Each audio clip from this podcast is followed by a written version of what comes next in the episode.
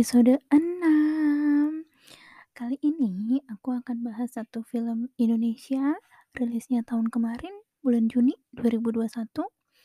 Judulnya Ali dan Ratu-Ratu Queens. Um, sebelum pada nebak, pasti karena Iqbal nih nonton film ini. Tetot.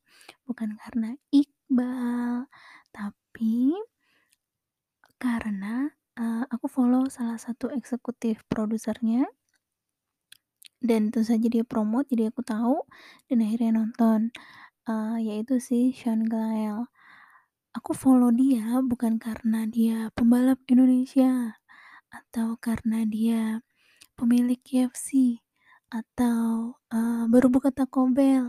Bukan.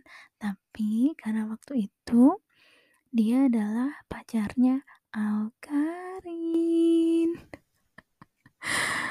begitulah dan secara singkat, aku sih no ya untuk film ini. Too many questions untuk uh, cerita di film ini gitu. Kalau di uh, deskripsi singkat atau sinopsis di Netflix, dia nulisnya adalah After his father's passing, a teenager set out for New York in search of his estranged mother and soon finds love and connection in unexpected places. Oke, jadi intinya uh, Ali ditinggal ibunya pas kecil untuk mengejar cita-citanya ke New York sebagai penyanyi. Janjinya sih cuma bentar ya, setahun apa bahkan setengah tahun gitu. Tapi ternyata nggak balik-balik, nggak balik bahkan. Terus bertahun-tahun kemudian sampai Ali udah gede, uh, kayaknya sih usia kuliah gitu, uh, bapaknya meninggal, terus pas beres-beres rumah, uh, dia mendapati bahwa dulu tuh sebenarnya ibu ibunya tuh suka kirim surat-surat, bahkan tiket untuk Ali dan bapaknya nyusul ke New York. Jadi selama ini kan dia cuma tahu ibunya nggak balik gitu. Tapi ternyata ada ada sesuatu nih zaman dulu yang bapaknya nggak cerita ke dia gitu. Jadi sekarang dia mau ke New York untuk nyari ibunya itu. Nah, kenapa New York ya gitu? Ya aku nggak tahu sih kalau orang mau pursue cita-cita atau karir nyanyi itu harusnya ke mana kalau zaman itu gitu ya. Kalau misalkan mau uh, karir cita-cita fashion itu kan ke Paris tuh jelas ya. Tapi kalau untuk nyanyi ya kurang paham juga sih sebenarnya gitu. Kalau zaman sekarang kan kayak Nicky, Rich Brian tuh mereka ke LA, Agnes Mo juga ke LA ya kan.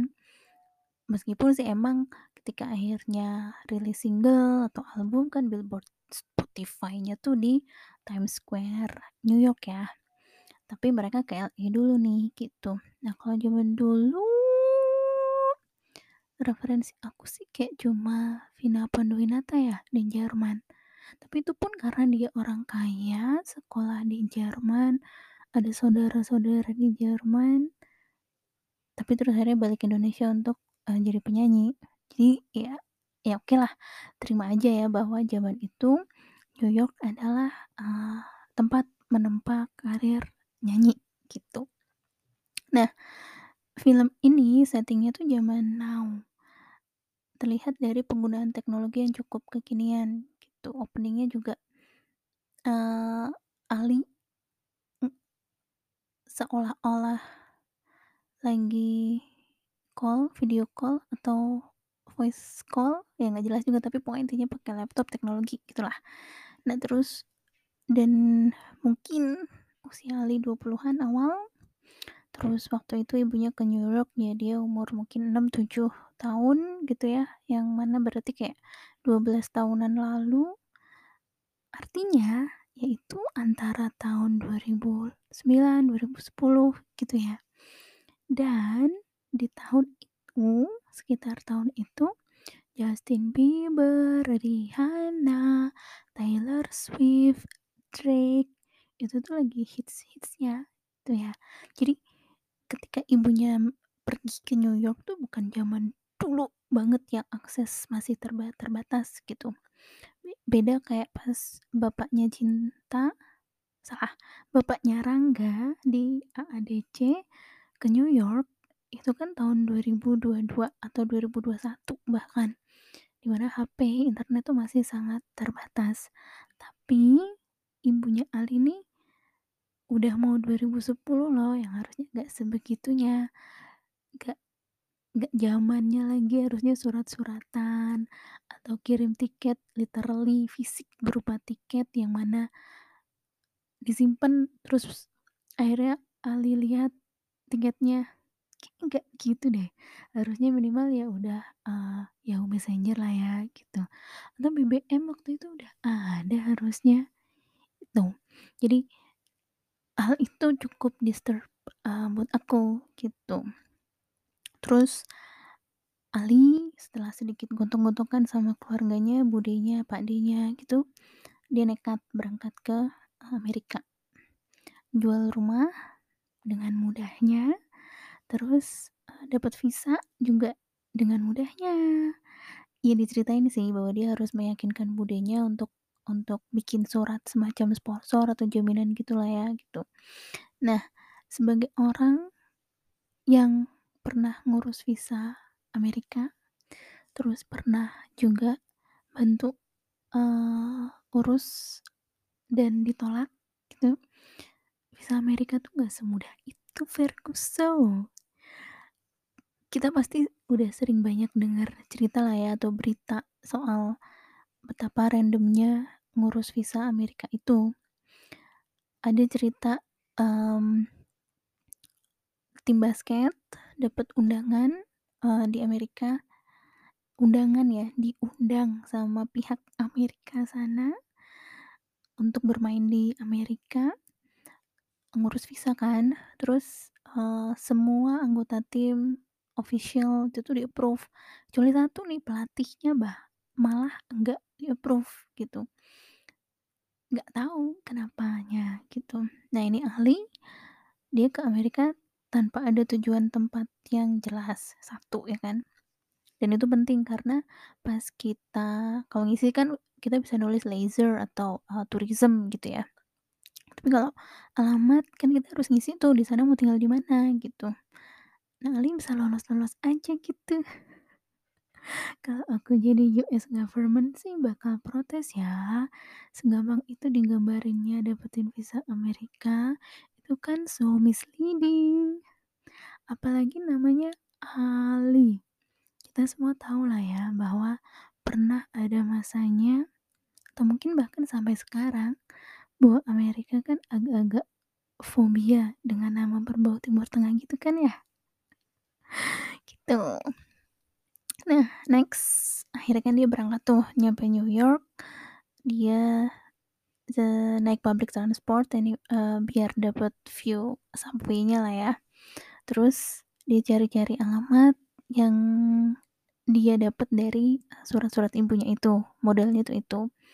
Dan tentu saja dia menemukan alamat itu dan tentu saja yang tinggal di situ sudah bukan ibunya dan tentu saja, eee, isi di apartemen itu sekarang adalah ibu-ibu Indonesia dan tentu saja akhirnya Ali diajak stay di situ dan tentu saja dibantu nyari ibunya dan tentu saja ketemu dan tentu saja ibunya sudah menikah lagi dan punya anak, eee, punya keluarga baru, gitu. Yang perlu diapresiasi, aku apresiasi dari, eee, film ini adalah bahwa ibunya menyembunyikan keberadaan Ali, fakta soal Ali dan bapaknya dari keluarga barunya ini. Yang mana ini logis untuk seseorang yang ingin move on, yang ingin menghapus, eee, jejak masa lalunya, terus terobsesi juga dengan American Dream gitu. Logis juga bahwa ketika ibunya itu nggak terlarut dalam romantisme drama-drama nangis-nangis pas Ali nyamperin dia. Karena emang kan kadang dalam hidup ini kayak gitu kan, nggak semuanya manis gitu, nggak semuanya filmis, sinematis, ngikutin alur romantis film, gitu. Terus atos atau pas, eee, bapaknya nggak mau nyusul ke New York, terus memutus saliti memutus tali silaturahmi. Ketika ibunya bilang nggak mau pulang dan bujuk-bujuk, "Kamu "Kamu ikut aku aja Mas," gitu, dan nggak mau ya itu oke banget sih menurut aku. Nggak nggak terlalu film gitulah, logis gitu kan, baguslah itu aku appreciate banget itu.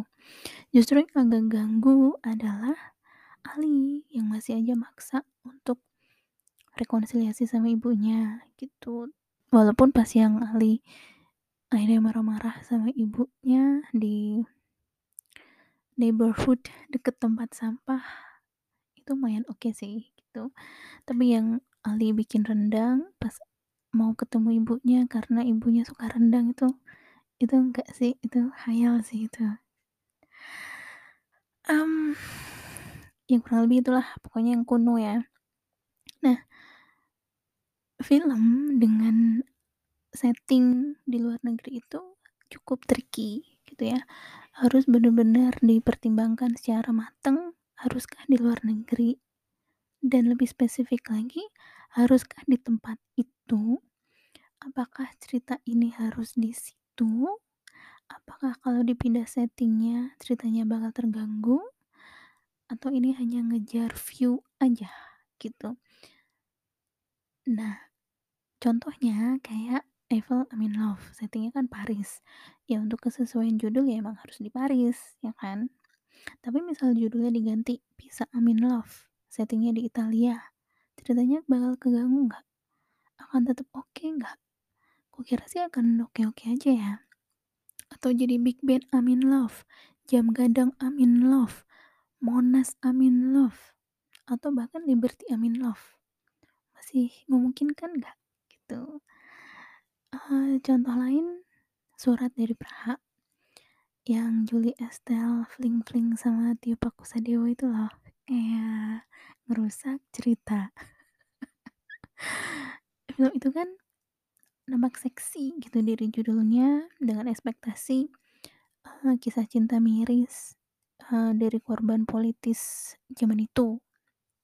Tapi pas kelar filmnya, komenku adalah, "Lah ini mah judulnya diganti Surat dari Boyolali juga aman aja, atau Surat dari mana aja deh," gitu. Karena Prahanya itu tidak memegang faktor kunci dari jalannya cerita, nggak kontribusi juga di cerita itu, gitu. Selain, eee, setting aja gitu. Beda dengan, eee, Assalamualaikum untuk Beijing salah, Assalamualaikum Beijing misalnya. Itu agak sulit kalau mau diganti nama kota lain, karena kan ceritanya tentang Morgan Oey yang dia terlantar apa kesasar di pedesaan agak terpencil di Cina sana, yang mana ternyata desa itu tuh desa muslim, gitu. Jadi ceritanya emang mau menonjolkan Islam di Cina. Nah itu susah kan untuk nyari daerah yang seperti itu.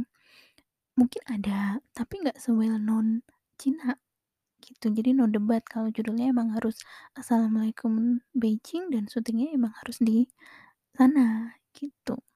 Nah, untuk Ali dan Ratu-Ratu Queens ini, sampai aku nonton filmnya, aku baru tahu bahwa maksudnya Queens di sini adalah nama daerah di New York sana. Cuma kenapa milih Queens, itu aku juga bertanya gitu, kenapa gitu. Karena judul itu kan kurang lebih gambaran isi filmnya ya. At least untuk kasih tuntunan nih, kira-kira kita bakal nonton apa nih, gitu. Misalkan nih, Ali dan Ratu-Ratu Priuk gitu, oh kita akan nonton Ali dan Emak-emak yang keras, misalnya gitu.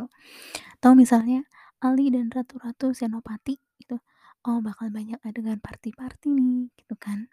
Nah, kalau Ali dan Ratu-Ratu Queens ini kurang bisa me-lead ke mana arah film ini, sedekat pengetahuan aku kalau misal kita dengar kata New York, itu kan yang gambarannya, eee, sibuk, bisnis, art, subway, traffic jam, gitu ya.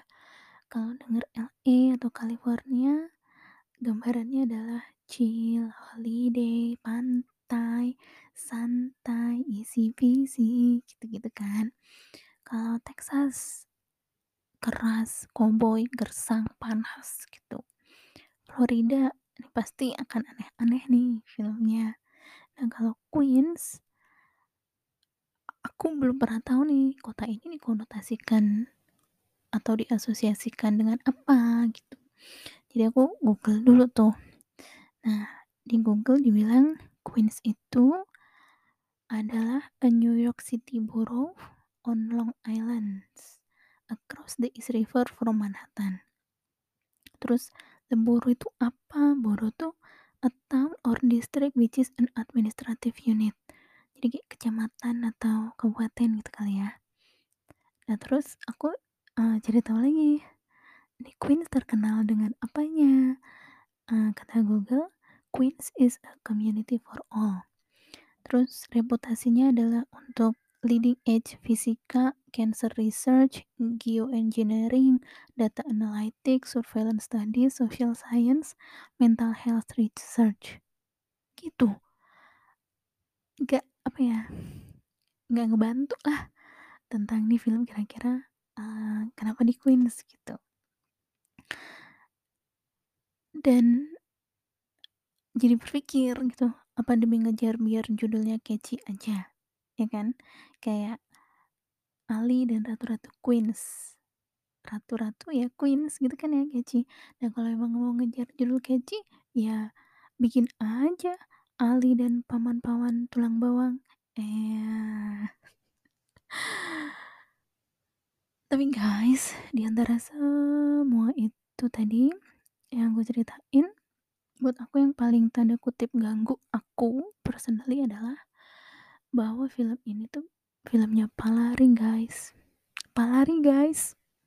Yang sebelumnya udah ngasilin posesif, Aruna dan lidahnya. Terbaru seperti dendam. Ya semua itu Edwin sih. Tapi Ali kan ini diderek sama Lucky.